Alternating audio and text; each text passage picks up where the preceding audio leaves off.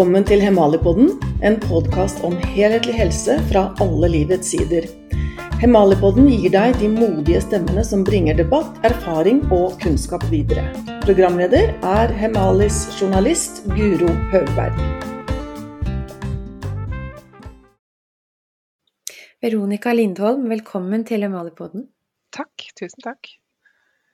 Hvordan starta du dagen din i dag? Du, jeg eh, tar eh, en teskje med svartfrøolje på tommage hver morgen. Og så går jeg en morgentur. Følger jeg datteren min til skolen, og det gjør så godt for kroppen å komme litt i gang. Så det var min start i dag. Hva, hvor lenge har du brukt den svartfrøolja, og hvorfor gjør du det? Du, den har jeg brukt bare i to uker, for jeg bruker den to uker på og to uker av. Um, og det gjør jeg for å styrke immunforsvaret mitt. Um, det er en, uh, en, olje som kanskje ikke er så enkel å få tak i i Norge. Jeg har fått den fra Egypt, faktisk. Uh, men den gjør veldig godt for immunforsvaret. Mm. Er, det ikke, er det ikke en sånn setning som sier om, om den at det, det, eneste den ikke kan kurere, er døden? Det sies. Det har jeg også hørt. Ja. Den skal være veldig, veldig fin. Men det er første gang jeg bruker den, så nå har jeg brukt den i to uker. Og nå skal den uh, stå i fred i to uker før jeg begynner to uker på igjen. Ja, Så det er litt tidlig å si noe om effekten, da, med andre ord. Litt tidlig, ja. Mm. Men jeg, tror, jeg har troen. ja, det, og det er jo en del av det. ja, veldig. Veronica Lindholm, du har vært sykepleier siden 2005. Fra 2010 så begynte du å jobbe som kreftsykepleier. Og i januar 2020 så fikk du en diagnose tykktarmskreft med spredning i en alder av 39 år. Stemmer.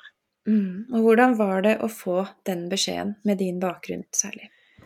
Ja, eh, det var eh, sjokkartet. Jeg har jobbet eh, primært med, eller mye med palliasjon, altså døende mennesker. Og jeg hadde en svulst på 10 cm, så den var veldig stor. Den hadde spredd seg til lymfene, heldigvis ikke andre organer. Men det var Altså, med min bakgrunn så så jeg bare meg selv ligge på hospice, eller lindrende, da, og, og dø. Eh, så jeg ble veldig, veldig redd. Det var veldig sjokkartet. Det var ikke noe jeg hadde tenkt i det hele tatt. Um, veldig skremmende erfaring å få. Mm. Um, Idet jeg fikk diagnosen, så var det Det var faktisk jeg som som ga meg selv diagnosen. Jeg lå på, på, en benk og hadde Jeg var gjennom en sånn eh, koloskopi, som er en sånn slange oppi bak. Ikke veldig hyggelig. Og da ser man alt som, som er inni tarmen da, på en stor skjerm, og den så jo jeg. Eh, og da vi kom til svulsten, så sa jeg det, det er kreft, sa jeg. Ja, bekreftet legen, det er kreft. Mm. Um, og det var ikke noe spørsmål i det hele tatt. Det var jo en monster, uh, svart, blødende monster som uh, lå inni tarmen der. Um, så jeg gikk ut og kledde på meg, uh, ringte mine foreldre som bor like ved sykehuset. Så ti minutter etter så kom de opp. og da satt vi inne på et legekontor og skulle få litt mer informasjon. Og så snudde jeg meg mot min mor og far, og så sa jeg um, nå kan jeg velge om jeg skal leve eller dø. Mm. Og da var jeg jo 39 og hadde et lite barn hjemme på ni år. Og det var, eh, det var, helt surrealistisk. Og mine foreldre ble jo helt målløse over at jeg sa nå kan jeg velge. Så de, de så jo på meg. Nei, for noe tull, Veronica. Nå, du skal leve. Du skal leve. Og de var jo selvfølgelig sjokkert og rystet, de òg. Og redde, naturligvis. Um, men jeg kjente bare med hele meg på en sånn Jo, jeg kan velge. Nå kan jeg velge. Og dette gjentok jeg igjen og igjen og igjen, og alle rundt meg Jeg tror alle ble veldig redde over at jeg sa det, fordi de ville jo bare at jeg skulle leve. Og alle kom med gode råd, og det ble jo sendt Jeg husker jeg fikk sendt en, en sånn usermaskin gjennom halve landet, fordi alle ville Nå må du ta tak i kosthold, nå må du trene riktig, spise riktig. Eh, altså mailen min Det haglet jo inn med mailer om, om hva jeg skulle gjøre for å gi kroppen min så god ballast som mulig da, i forhold til hva jeg skulle gjennom. Men jeg visste hele veien nei, det, det, dette er ikke min overlevelse. Kosten, Selvfølgelig er kosten viktig, men, men det er ikke der min helbredelse ligger. Um, og selv om jeg følte dette så sterkt, nå kan du velge om du skal leve eller dø, så fikk jeg jo ikke noe svar på hvordan tar jeg dette valget, da. Så det skapte jo en angst som jeg ble revet veldig, veldig sterkt inn i, denne angsten. Um, så gikk jeg gjennom behandling. Jeg hadde noen store operasjoner. Um, den største operasjonen var jo av selve tykktarmskreften. Da um, holdt jeg faktisk på å dø. Jeg fikk massive blodpropper i lungene. Uh, og endte opp med å ligge på intensiven i en uke og var ja, var vel en hårsbredd fra å faktisk dø. Uh, og det, det, var veldig dramatisk. Og jeg husker at jeg måtte spørre om helt sånn basal sykepleie. Uh, hvorfor, hvorfor, stiger pulsen? Og jeg gikk helt i panikk, fordi jeg var koblet til alle mulige apparater. Og hvis de begynte å pipe fordi pulsen eller blodtrykket steg, så gikk jeg helt i panikk. Og måtte spørre sykepleierne hvor, hvorfor stiger det, hvorfor piper det, hvorfor? Altså, og helt sånn basal sykepleie som jeg jo egentlig kunne. Og det var veldig skremmende å oppdage at jeg kan jo ingenting. Jeg trodde jeg var kreftsykepleier, jeg trodde jeg kunne alt dette, og så sitter jeg i denne situasjonen og klarer ikke å forholde meg til min egen situasjon, klarer ikke å forstå min egen situasjon. Og alle rundt meg var veldig søte og forståelsesfulle og klappet meg på hodet og sa så, så, dette går bra. Men jeg kjente på en veldig sånn dyp, dyp fortvilelse over at hvorfor, klar, hvorfor håndterer jeg ikke dette bedre? Så det var eh, ja, det var utfordrende. Fy søren. og så var det cellegift etter det. Um, I seg selv en uh, forferdelig opplevelse.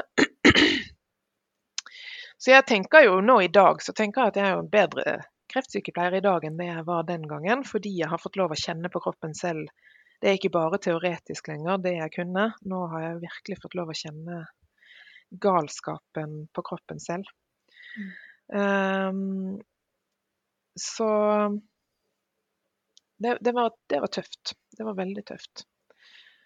Men eh, etter all denne behandlingen så fikk jeg jo beskjed om at prognosen er god, selv om svulsten var veldig, veldig stor. Um, så, så tilsynelatende fikk de ut alt, og, og, jeg var kreftfri etter et halvt år.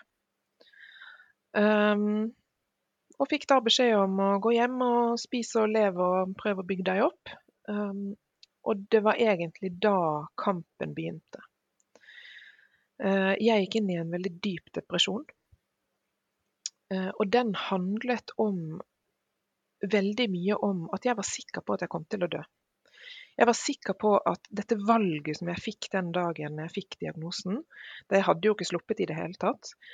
Ehm, det jeg var helt sikker på, jeg kjente med hele meg, dette er et reelt valg. Men hvordan i svarte skal jeg velge? For jeg visste samtidig intuitivt at det at jeg var erklært kreftfri og ferdig behandlet, ikke var det samme som at jeg kom til å overleve. Mm. Uh, og det er jo, det var en veldig veldig stor svulst, og det er jo risiko for tilbakefall når man først har fått kreft. Og i hvert fall når det har spredd seg til lymfene. Uh, og dette var jo noe jeg visste. Og samtidig så visste jeg det er helt andre ting som eller dette valget handler om helt andre ting. Og jeg kavet i dette valget og i denne angsten. Og dette med at mitt barn skulle miste meg, det var eh, det var nesten det aller, aller verste. Det fylte hele meg. Og jeg var veldig deprimert og brukte veldig lang tid på å komme meg ut av depresjonen, bare det. Uh, og parallelt så skjedde det, det var, Jeg sto i veldig veldig mange prosesser parallelt som, som, uh, som, krevde veldig mye energi, og som kanskje også forsterket angsten min. Uh, Veronica, som Vi skal tilbake til det, til det du sto i da, men som kreftsykepleier og som har møtt mange kreftpasienter, er det, er det vanlig at den friskmeldingen ikke nødvendigvis bare er jubel og konfetti, men at det, det medfører angst, og at eh, behandlingen i seg sjøl også har gjort at man er redusert i kroppen. Sånn at det jo, den friskmeldingen ikke bare er mm. eh, noe å feire, da.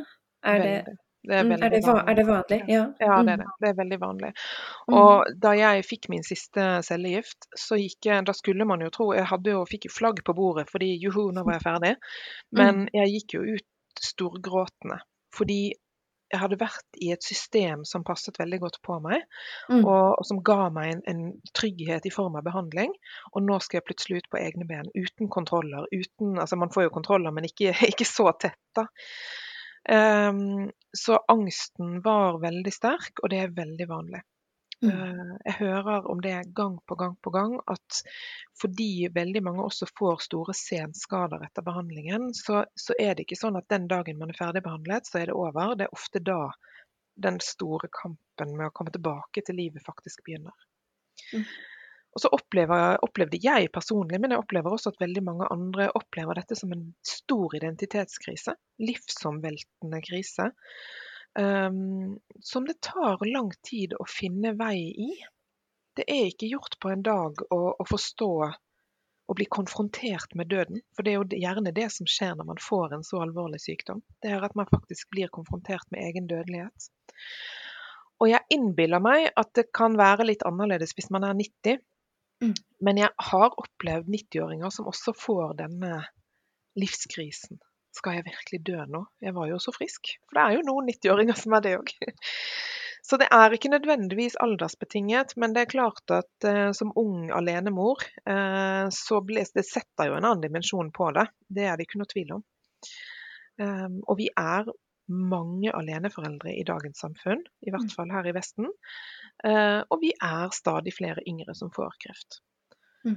Og jeg gikk jo inn i dette fullstendig naivt og tenkte jeg må jo være den eneste alenemoren i verden som får kreft. Men det er det virkelig ikke. og mange står jo da også samtidig sant, med foreldrekonflikter og barn som blir dratt frem og tilbake og, og mister oversikt og ja, nei, det kan være veldig traumatisk for en hel familie å oppleve dette her, og det var det definitivt også for meg. Men det leder meg jo til spørsmålet om årsak, eh, fordi at eh, man Altså Hvordan skal man si det? I medisinen så går man jo gjerne til, til eh, gener. Mm. Altså kreft blir jo gjerne omtalt som genfeil. Mm. Så enkelt tenker ikke du at det er. Nei, absolutt ikke. Eh, jeg fikk jo beskjed fra alle jeg var borti, at eh, dette var helt tilfeldig. Eh, jeg hadde vært uheldig og fått tykktarmskreft. Tykktarmskreft regnes som en gammelmannssykdom i gåseøyne. Og det er ikke nødvendigvis tilfellet. Vi er faktisk ganske mange unge som får det. Um, hvis man tenker litt holistisk, så har jeg lest meg til at tykktarmskreft det henger sammen med um, og nå sier jeg det på engelsk undigestible conflict. Og det ga veldig god mening for meg, for jeg hadde stått i uh, veldig, veldig, veldig mange år med massive konflikter og traumer som hadde kulminert, kulminert, til et veldig dramatisk og traumatisk tap. Og dette varte jo da over en 15-årsperiode før jeg fikk kreft. Så for meg så rimte det veldig at ja, jeg har jo stått i en undigestible conflict i rundt 15 år. Og det var uh, For meg så, så, ga det en slags gjenklang i ja, selvfølgelig har jeg fått tykktarmskreft når jeg har stått i dette i så fryktelig lang tid. Um, så jeg kjente jo umiddelbart at dette var ikke uheldig eller uflaks. Dette var en direkte konsekvens av et liv med mye traumer. Og det er det ingen leger som har anerkjent, bortsett fra én. Jeg sa det til en lege som bare nikket. Så sa han ikke noe mer enn det. Og så kan man snakke om gener og fysikk og belastning av maten vi spiser og giftstoffer vi får i oss og, og alt dette her, men, men, jeg er ganske sikker på at min kreft kom av eh, psykiske Kan man bruke det ordet? Psykiske årsaker. Mentale mm, Altså disse traumene. Mm. Og da er vi tilbake til etter friskmeldingen din. Du var dypt deprimert. Du var redd og fortvila, og så på en måte ikke veien videre helt. Og du på en måte Du kjente ikke at det var avgjort enda, hvorvidt mm. du skulle leve eller dø. Men så, begyn nei, men så, begynte du å forstå det her med årsak ja, i et mer holistisk perspektiv. Ja. Ja, det tok lang tid før jeg, før jeg forsto helt. Fordi jeg, da må jeg gå tilbake en gang til. Fordi helt Mm. siden jeg var helt liten, så har jeg vært Altså, jeg er nok født såkalt klarsynt. Eh, sett Mm. eh, engler, guider, snakket med de. For meg så har det vært helt naturlig at de har fantes veldig sterkt i mitt liv. Um, og jeg utdannet meg veldig tidlig til reikemester. Uh, jobbet som reiki-healer i mange år, jobbet som klarsynt i mange år. Er i tillegg NLP-coach. Um, så jeg har, veldig mange, jeg har veldig mye bagasje innenfor det alternative også. Mm. Um, og det som jeg har snakket veldig lite om i mitt liv i det hele tatt, det er også dette med minner fra tidligere liv. For det har jeg også hatt fra jeg var helt liten. Og disse minnene har vært så sterke at jeg som liten noen ganger blandet sammen hva var dette livet, og hva var tidligere liv. Filteret var veldig, veldig tynt. Disse minnene har aldri vært eh, negative på noen måte. De har kunnet inneholde negative opplevelser eller traumer, men jeg har aldri tenkt på det som Altså, de har aldri vekket følelser, negative følelser. Det har bare vært en, en visshet av at sånn var det.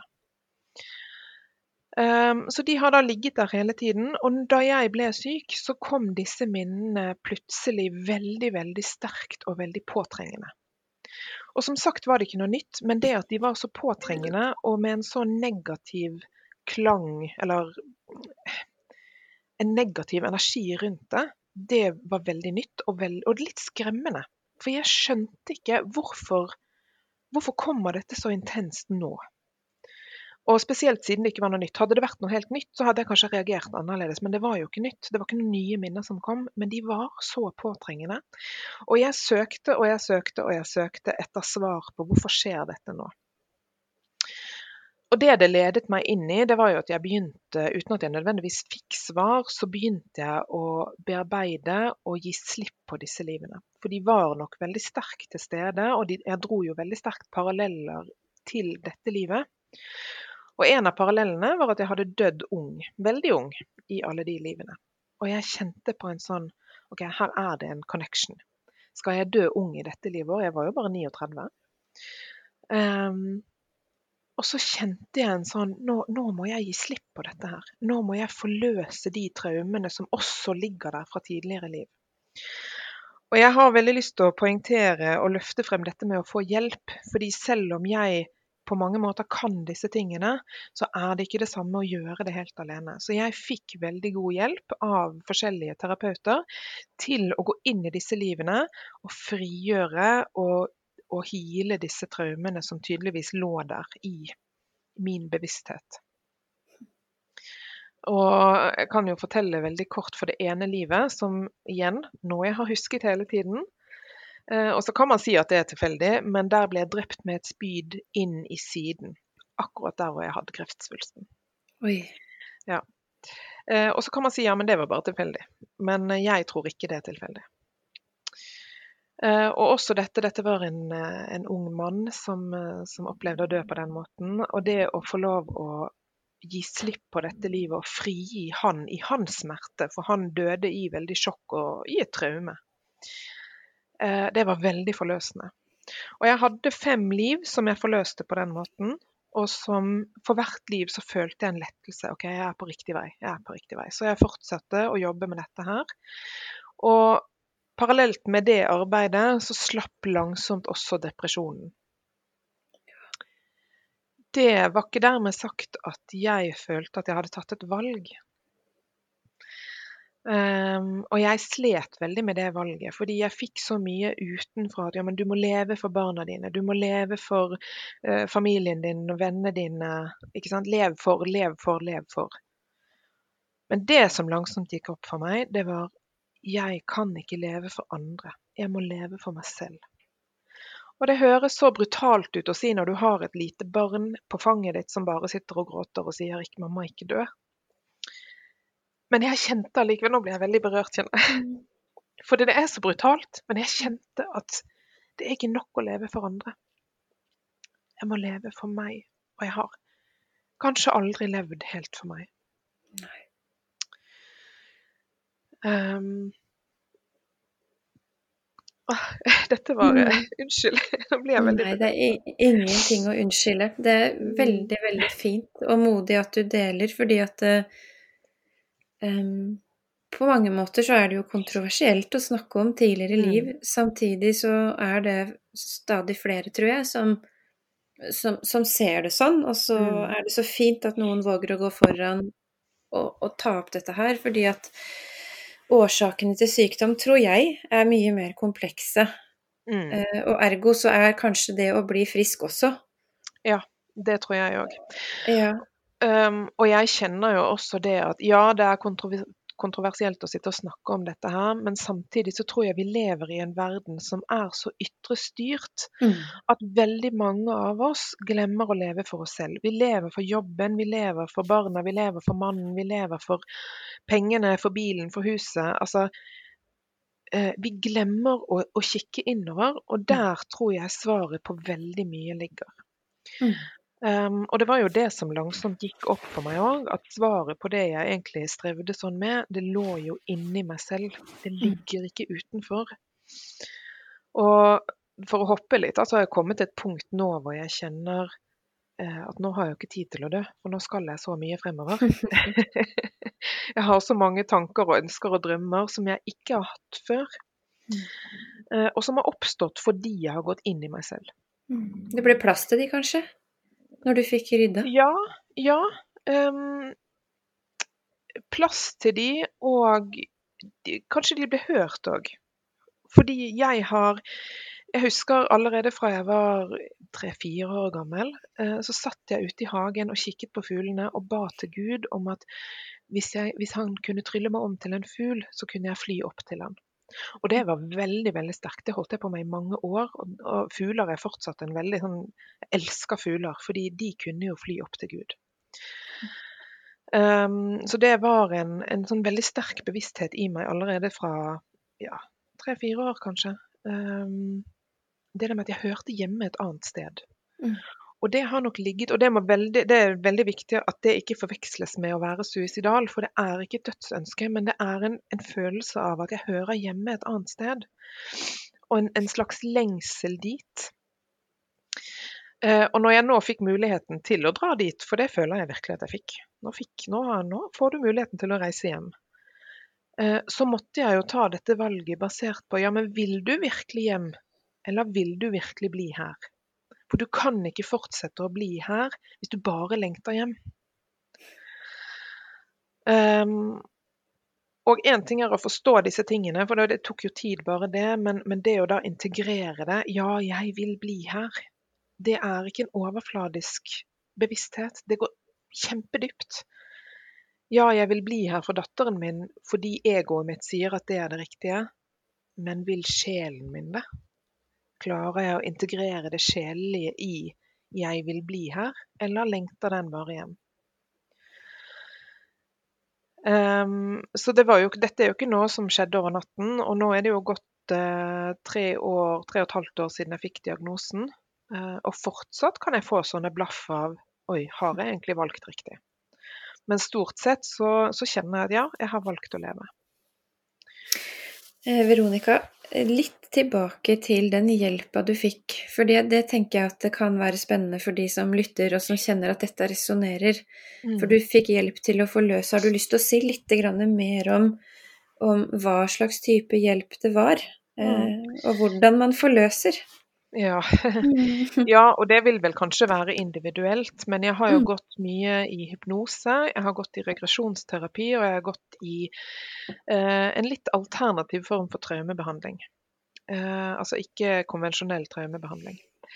Eh, og for meg så har det vært eh, jeg, jeg, er helt sikker på at det er grunnen til at jeg sitter her i dag.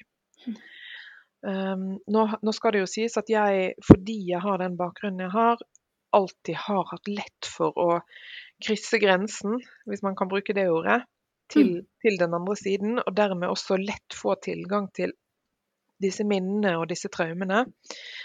Um, men det som kanskje er viktig å forstå, det er at man trenger ikke å ha hukommelse rundt dette. Man trenger ikke å huske tidligere liv for å kunne helbrede tidligere liv, eller traumer fra tidligere liv. Det holder at man Altså den traumebehandlingen jeg har gått i, den handler jo mye om traumer fra tidligere liv. Og man trenger ikke å ha noe minne rundt det, men man går inn i følelsen som følger kroppen. Så hvis du har gjentagende vondt i en arm over ti år, så kan det hende at det ligger noe der. Og da går man inn i det uten at man trenger å vite nøyaktig hva som har skjedd for ti år siden, f.eks. Jeg vet ikke om jeg får lov å nevne navn i Jo, jo. Det er helt i Ja, orden. Eh, Det er en som heter Ole Blente, som har guidet meg gjennom dette her. da. Veldig sånn intensiv traumebehandling. Eh, Men som sagt, hypnose og regresjonsterapi har også vært veldig, veldig viktig. Og parallelt så har jeg også gått i, i vanlig konvensjonell behandling og fått psykologhjelp og fått uh, psykomotorisk fysioterapi og eh, masse fysisk behandling, selvfølgelig. Fysioterapeut og leger og ja. Så jeg har gjort begge deler. Tenker du at det er nettopp den helheten som, som gjorde deg frisk? Ja. Helt 100% sikkert. For jeg er helt overbevist om at uh, jeg hadde jo aldri klart dette her uten medisinen. Altså uten sykehus, uten leger, kirurger. eh, og, og det hører jeg. Jeg fikk faktisk et spørsmål av en Jeg var på en eh, sånn type alternativ messe hvor det var en som spurte meg veldig sånn konfronterende Hvorfor tok du cellegift? Som om det var noe veldig galt. Og jeg kjenner at Vet du hva, det gjorde jeg fordi jeg visste at dette må gå hånd i hånd. Jeg kan ikke utelukke eh, den etablerte medisinen, men jeg må supplere med den alternative. Um, og jeg tror at mange Noen, ikke mange, men noen få blir jo fanatiske og vil ikke forholde seg til f.eks. leger og, og den etablerte medisinen, og det tror jeg er, kan være en gal vei å gå. Ikke for alle, selvfølgelig, men, men jeg, jeg har veldig tro på kombinasjonen. At man velger um, det, ja, det, det beste fra begge verdener. Mm. Men for mange så oppleves det kanskje ikke så tilgjengelig. Den Nei. andre verden, den såkalte alternative verden, den er ikke så tilgjengelig. Og det er jo en, en form for jungel også, Mm, ikke sant. ja. Det, mangler, det mangler jo ikke på tilbud, men det er å skjønne hva man skal Ja, og velge, og hvem. Mm. Mm. Så hva skal til for at vi klarer å bygge en bro mellom det konvensjonelle og det alternative? Fordi ja, Ja. det Jeg tror at det første steget er å akseptere og forstå at sykdom ikke nødvendigvis bare kommer av fysikken. Mm. Hvis vi skjønner at sykdom også kan oppstå f.eks. via traumer, så kan vi også helbrede sykdom ved å helbrede traumene. Mm. Og så er jo det bare, bare der er det jo mange som steiler, ikke sant. Eh, Men jeg tror det, det er litt der vi må starte for å akseptere at dette er en helhet. Er ikke, vi er ikke bare en kropp. Vi er veldig, veldig, veldig mye mer enn bare kropp. Og idet vi aksepterer den tanken, ja, så kan vi kanskje begynne å akseptere at ok, hvis vi er mer enn kropp, så kanskje vi også kan bli friske via mer enn bare fysisk helbredelse. Mm. Um, og jeg mener jo at ingenting er tilfeldig. Eh, Så hvis noen hører på denne podkasten og kjenner at det treffer, så tenker jeg ja, men kanskje det er fordi de skal gå inn i litt mer eh, Eller kanskje utforske den, det åndelige aspektet i sykdom også. Mm. Um, og så er det dette med å lytte til magefølelsen. For mange så oppleves det veldig vanskelig. Mange tenker at ja, men det er bare sånne som meg som kan det. Og sånn er det jo ikke. Vi har alle en intuisjon, og så er den kanskje utviklet i sterkere eller mindre grad. Og hvis du er en sånn som syns det er vanskelig å kjenne på en magefølelse eller kjenne på intuisjonen, ja, så kan første skritt være å begynne å meditere. Fem minutter om dagen. Um, og en, en liten øvelse som faktisk er utrolig vanskelig, men som høres enkel ut, det er i tre minutter, og sett gjerne på stoppeklokke, bare lukk øynene og sitt musestille. Tenk på hva du vil, men ikke Altså bare vær helt stille. Og så tenker man tre minutter, det er jo ingenting. Men det er ganske vanskelig. Fordi tankene begynner å fly, og man sitter og tenker har det egentlig gått tre minutter? Og så ser man på klokken, og så har det bare gått et halvt minutt. så, så dette med å øve opp intuisjonen, sånn at man når man langsomt begynner å få tak i den, også da kan kjenne etter OK, er det Veronica som sier noe riktig, eller er det Guro som sier noe riktig? Hvilke av de to stemmene kjennes mest riktig for meg? Og så kan man begynne der. Mm. Um, og så langsomt så er jeg helt sikker på at de uh, Når man åpner opp for dette her, så vil de menneskene som kan hjelpe, komme. Mm. Hvis man bare finner én, så kan det være en veiviser igjen til neste. Mm. Så, så, mitt uh, beste råd det er skap åpenhet rundt tanken først. Mm. Og når du først har fått det, så åpner resten seg. Ett skritt om gangen. Og tillit til prosessen. Mm. Mm. mm.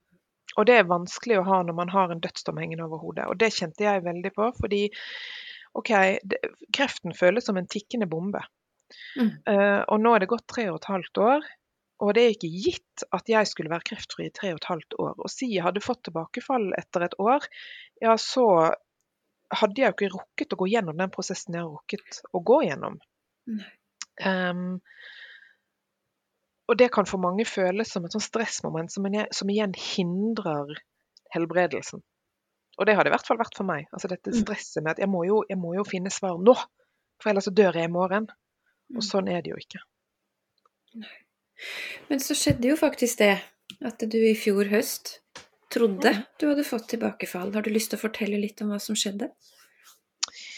Ja, um, jeg var inne Jeg har hatt um, Jeg har fått, dessverre har jeg fått veldig mange senskader etter kreftbehandlingen. Uh, og det er senskader som har uh, plaget meg i veldig stor grad. Uh, og i fjor høst så var jeg inne til en kontroll av noe helt annet enn kreften. Og da fikk jeg tatt en CT av brystet.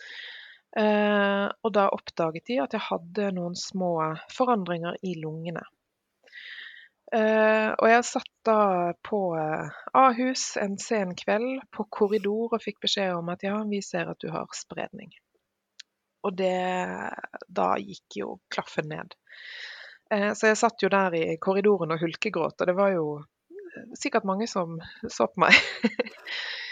Men kom hjem, og hele familien gikk jo egentlig i oppløsning, fordi nå å få tilbakefall det er ikke det samme som å få kreft én gang. Er, da er oddsen ganske mye verre.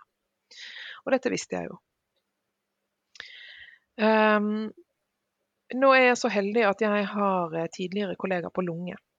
Og jeg ringte overlegen på, på lunge et par dager etter og eh, hun så på bildene og sa dette var, eh, dette var litt smått, dette kan vi ikke gjøre noe med, vi må vente, og så må vi ta nye bilder om tre måneder.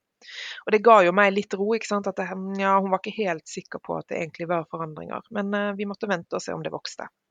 Så jeg fikk tre måneder. Um, og jeg kjente at uh, Er det lov å banne? Ja. Nå nå jævler, kjente jeg. Og jeg hyttet knyttneven opp mot Vår Herre og forbannet han og sa våg deg, nå er det nok. Jeg skal ikke reise. Så da hadde du bestemt deg denne gangen? Ja, det var en var helt annen opplevelse. En helt ja. annen kampvilje som våknet. Og jeg grein og grein og grein og grein i tre dager i trekk før jeg fikk vite at uh, nei, kanskje det ikke er noen ting allikevel. Men midt i gråten, midt i fortvilelsen, så kjente jeg på en sånn Ikke pokker. Dette skjer ikke. Nå. Um, og det første jeg begynte med, det var at jeg la hendene på lungen min. Det var kun på den ene siden de hadde sett forandringer. Og sa en liten bønn. Og takket for den jobben disse forandringene hadde gjort. Og sa takk, nå trenger jeg det ikke mer. Og dette gjorde jeg tre måneder i trekk. Hver dag. Takk, men nå kan du gå. Sånn litt forkortet. Den, den var litt, det var litt mer i den, men litt forkortet så var den sånn. Um, og jeg gjorde flere andre ting også, men, uh, men uh, det, var nok, det var en viktig del av det. Dette med å velsigne forandringene. Uh, og så gikk det tre måneder. Lille julaften 2022 gikk jeg inn på Ahus og tok en CT igjen. Og der fant de ingenting. Det var borte. Um, og så vil jo mange si at ja, men da var det jo ikke kreft, og da var det jo bare noe annet. Og da kan det ha vært rusk på bildet, og jeg vet ikke hva man ikke kan finne på at det ikke var. Jeg kjenner at den velsignelsen, den gjorde en forskjell. Ja, det var nok ikke kreft i utgangspunktet, men forandringen var borte. Så noe har jo flyttet seg. Mm. Um, og det var ikke sånn at jeg bare gikk hjem og senket skuldrene og, og, og kjente ja ja, det var det. Da venter vi på neste sete og ser hva som skjer da. Da kjente jeg Jeg, jeg beholdt denne kampmodusen på en måte. At ikke pokker. Jeg, nå, nå, har jeg fått kjenne på det. Jeg skal ikke dø. Um, og jeg begynte da på en prosess som jeg føler har Eh, og det er jo Noen ganger så kjenner jeg at det er litt farlig å si, fordi vi er jo dødelige, og jeg skal jo dø en gang. Men at dette har reddet livet mitt. Mm. Og det jeg har begynt med nå, er jo at jeg snakker med kroppen hele mm. tiden, mm. hver dag. Tidligere så har jeg søkt ut. Jeg har snakket med Gud og Jesus og engler og guider, og hele tiden vendt blikket opp, unnskyld, opp og ut. Um, og hvor jeg nå begynner å kjenne ja, men det er jo her inni at svarene ligger. Mm. Inne i meg. Um, og jeg merker at kroppen responderer veldig, veldig positivt på det. Jeg husker da jeg gikk på videregående Vi er jo like gamle, vi, Veronica, så det er jo like lenge siden at jeg gikk på videregående som deg. Men da hadde jeg en lærer som mista mannen sin av kreft. Og han hadde jo fått råd om å ville leve. Bare vis mm. at du vil leve, så vil det gå bra. Så, mm. og hun sa det, jeg kjenner ingen som ville leve så mye som han. Men allikevel så gikk det galt. Så hun mm. var mektig provosert av alle de som sa at ja, men det holder å bestemme seg for å leve, og så skjer det. Hva vil du si til de som har mista, hvor det var kampvilje, og de mm. ville leve. Det, jeg vet at jeg er vrien nå, Veronica, men, mm. men Men det er et veldig viktig spørsmål, Guro. Fordi mm. det sitter veldig mange der ute som, som ville gitt uh, høyrearmen for å få lov å leve, og som ikke får leve. Mm. Um, og jeg har jo ikke noe fasitsvar på dette her. Jeg skjønner at det for noen kan føles veldig provoserende å høre på det jeg har å si. Men jeg tror at vi alle har en individuell reise jeg tror ikke at hvis du og jeg fikk nøyaktig samme diagnose på nøyaktig samme tid og gjorde nøyaktig de samme tingene, så ville vi allikevel kanskje fått et annet eller forskjellig resultat. Ja. Vi har forskjellige kropper, vi har forskjellige sjelserfaringer, vi har forskjellige traumer. Og jeg håper ikke det høres ut som om dette var en quick fix, og at dette funker for alle, for det gjør det ikke nødvendigvis. For det første så har det vært kjempevanskelig å gjøre alle disse tingene. Det har ikke skjedd over natten. Eh, for det andre så er det sånn at vi sjelsmessig har en forutbestemt kontrakt. Mm. Vi har valgt eh, på forhånd, før vi ble født, så ligger utgangen allerede klar. Mm. Og jeg er helt sikker på at vi får valgmuligheter gjennom livet, vi, uavhengig om vi merker det eller ikke, i forhold til hvordan livet skal utvikle seg. Og noen har en sjelskontrakt som sier at de skal dø. Så mm. selv om de står på hodet og hender for å ikke dø, så gjør de det likevel. Mm. Um, og jeg vet også at dette kan høres provoserende ut.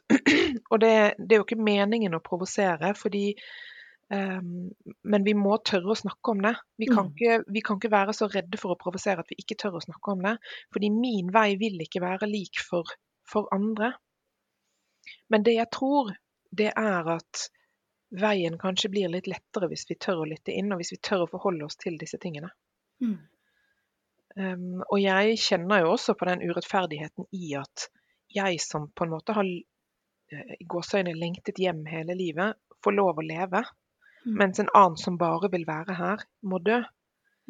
Um, det henger jo ikke i, i, vår logiske forstand, så gir ikke det mening.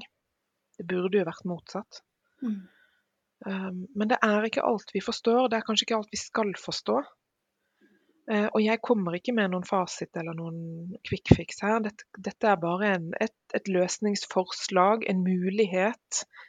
Um, og jeg er helt sikker på at alt, all den jobben vi gjør her på jorden i forhold til å forløse og bearbeide og gi slipp på gamle ting, det vil ha en effekt uavhengig av om man lever eller ikke. Mm. Um, så jeg tenker at hadde jeg dødd i morgen, ja, så vil det allikevel ha hatt en effekt. Mm. Det, den jobben jeg har gjort. Jeg vet ikke om det svarer på spørsmålet ditt, Guro, men, men um, det er kanskje ikke noe enkelt svar på det spørsmålet heller. Det er ikke noe enkelt svar på det spørsmålet, men jeg syns du svarer veldig godt på det spørsmålet. ja. ja. Det er komplekse ting, og det er Man skal gå litt forsiktig, fordi det vil kunne støte mange. Det er jeg veldig klar over. Men, eh, men jeg kan ikke la være med å fortelle min historie av den grunn. Nei. Og jeg er helt sikker på at den også vil kunne, kunne hjelpe mange. Mm.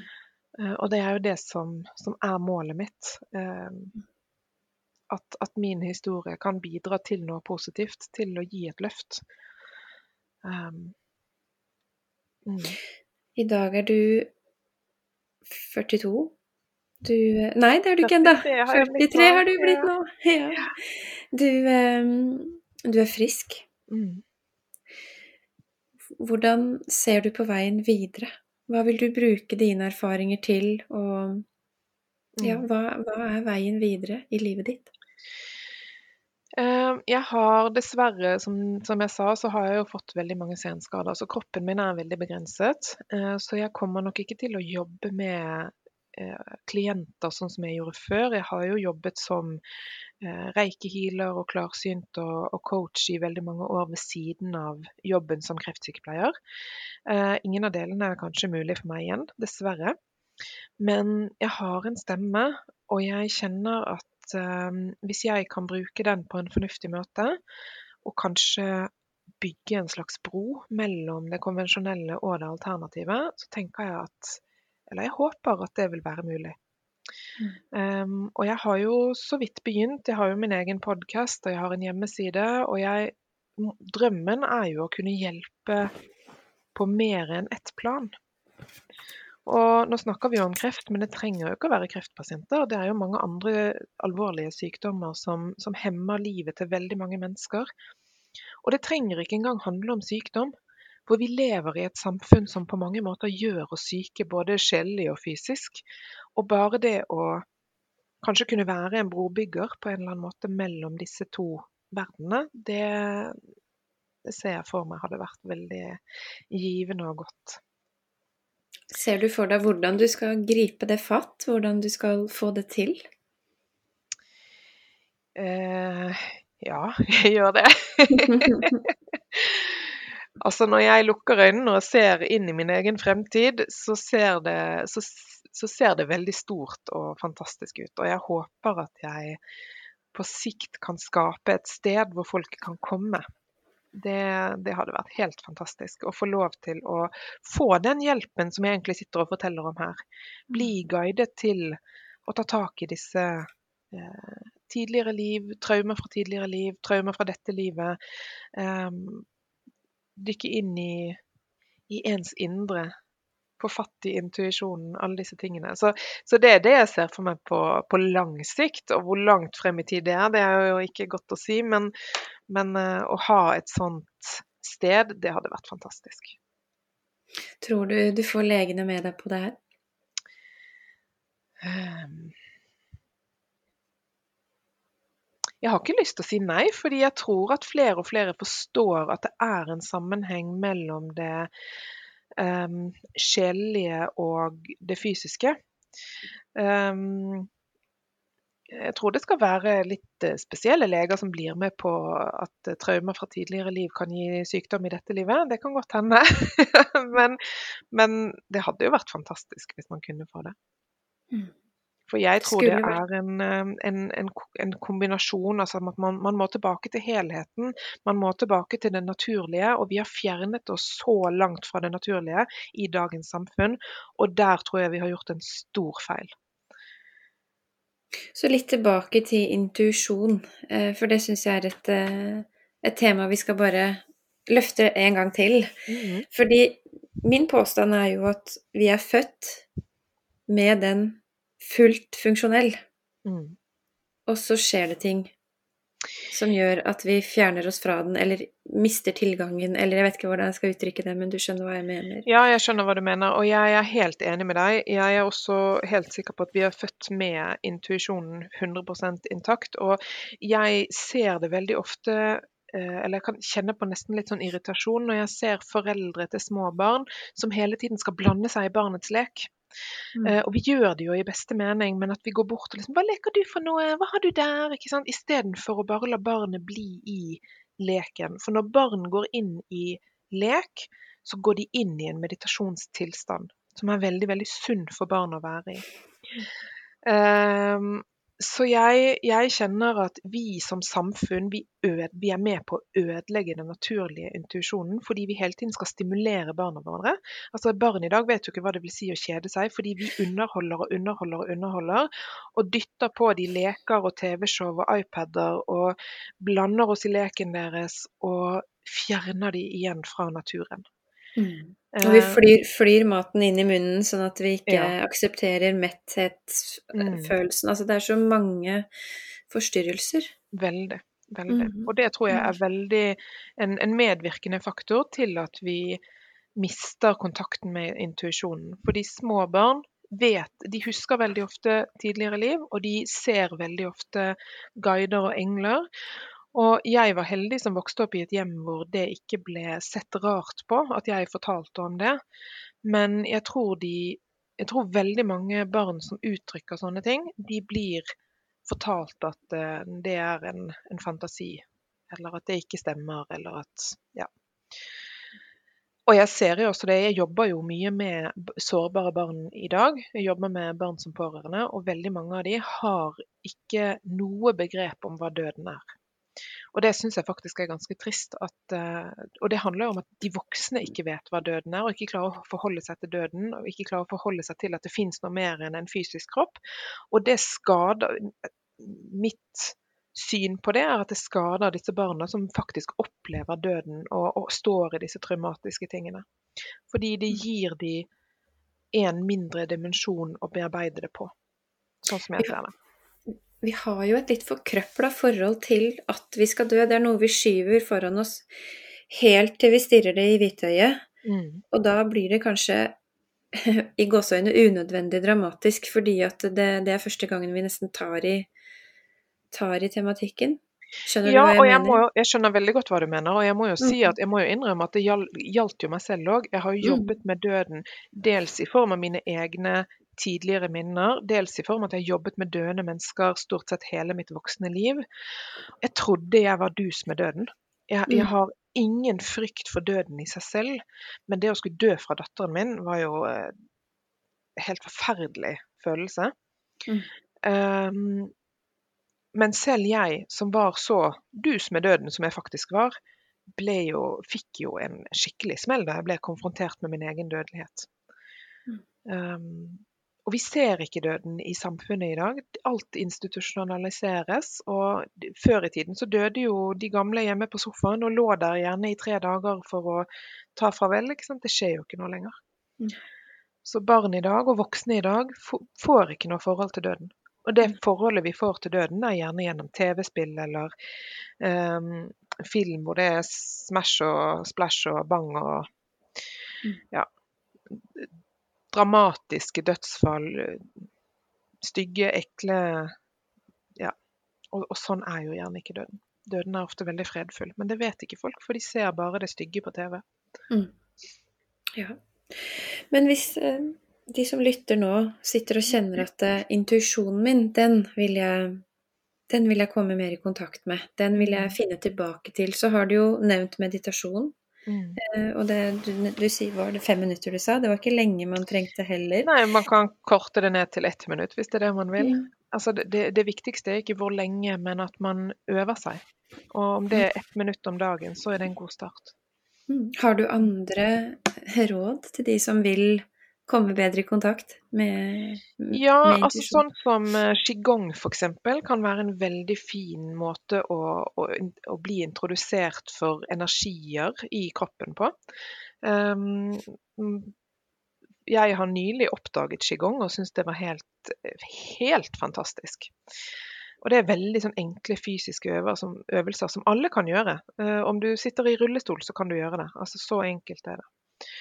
Um, og så Det jeg alltid har gjort, er at jeg har gått og snakket med mine hjelpere. Mm. Um, og så er det mange som tenker at ja, men jeg får jo ikke noe svar. Men å starte da med å akseptere at de tankene du selv får når du stiller et spørsmål ut i luften, at det kanskje kan være et svar. Og begynne å bare akseptere det. Så langsomt så vil det kjennes sterkere og sterkere. Så, så spør om hjelp, rett og slett. Mm. Mm. mm. For det kommer. Veronica, samtalen vår går mot slutten. Er det noe du kjenner at du ville ha sagt som vi ikke har vært innom? Uh, ja, jeg kjenner på dette med tillit. Um, ha tillit til, at, til, de tegnene du får. Let etter tegn le, i skyene, i naturen, i en bok du ser på trikken. Um, man får svar på de merkeligste måter. Og det å ha tillit til de svarene man får, det tror jeg også er et viktig skritt mot å finne veien inn igjen i seg selv. Men er da nøkkelen å våge å stille spørsmål nå? Ja, det kan det være. Mm. Mm. Veronica, hva er det viktigste du gjør for helsa di akkurat nå? Ja um, Det aller viktigste jeg gjør nå, det er at jeg gir kjærlighet til kroppen min. Jeg har brukt 40 eh, år ca., 30 hm. kanskje, hvis jeg begynte når jeg var rundt 10, um, på å hate kroppen min. På å fortelle den at den er stygg, at den ikke kan brukes til noen ting, at den er feit, at den har strikkmerker, at den eh, ser sånn eller sånn ut, at jeg ikke er bra nok på noen måter. Og det er klart at en kropp som får så mye kritikk, og i tillegg, når det i mitt tilfelle det har stått i så massive traumer over så mange år, da har ikke kroppen det veldig bra.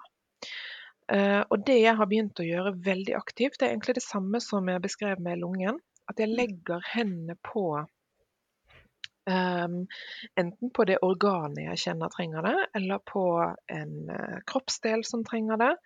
Og Får jeg lov å nevne en, uh, en episode som uh, Ja. Jeg hadde For et års tid siden så fikk jeg en senebetennelse som uh, hemmet meg veldig. Jeg klarte nesten ikke å gå, for det var så smertefullt. Og det holdt jeg på med i et halvt år.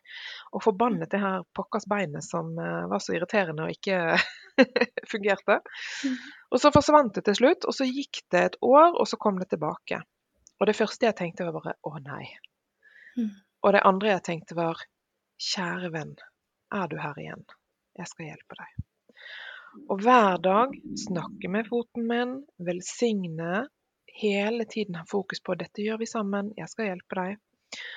Og fra forrige året til at det tok et halvt år, så tok det nå tre uker, så var det borte. Og jeg tror at dette med å virkelig Vi, vi snakker om dette med egenomsorg. ikke sant? Og jeg er i hvert fall lært opp til at egenomsorg ja, Da drar man på spa med venninner og spiser eh, en, en, god sjokolade og drikker et glass vin. Altså litt sånn i den Litt sånn mm. satt på spissen. Men ekte egenomsorg, det er jo faktisk å gi sin egen kropp kjærlighet.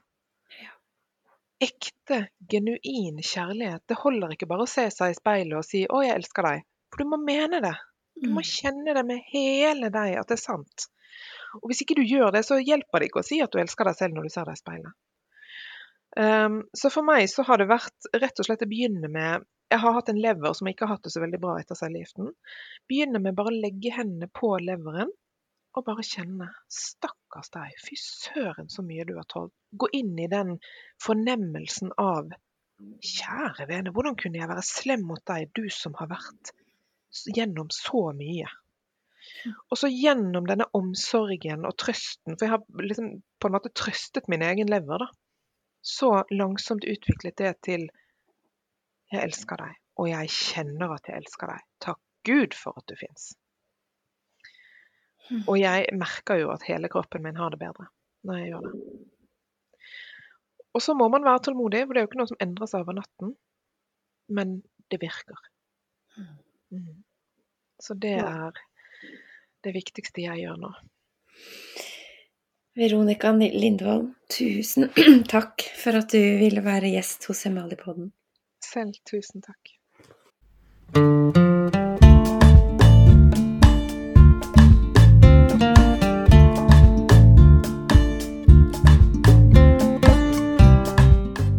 For at du lytter til Emaliepodden.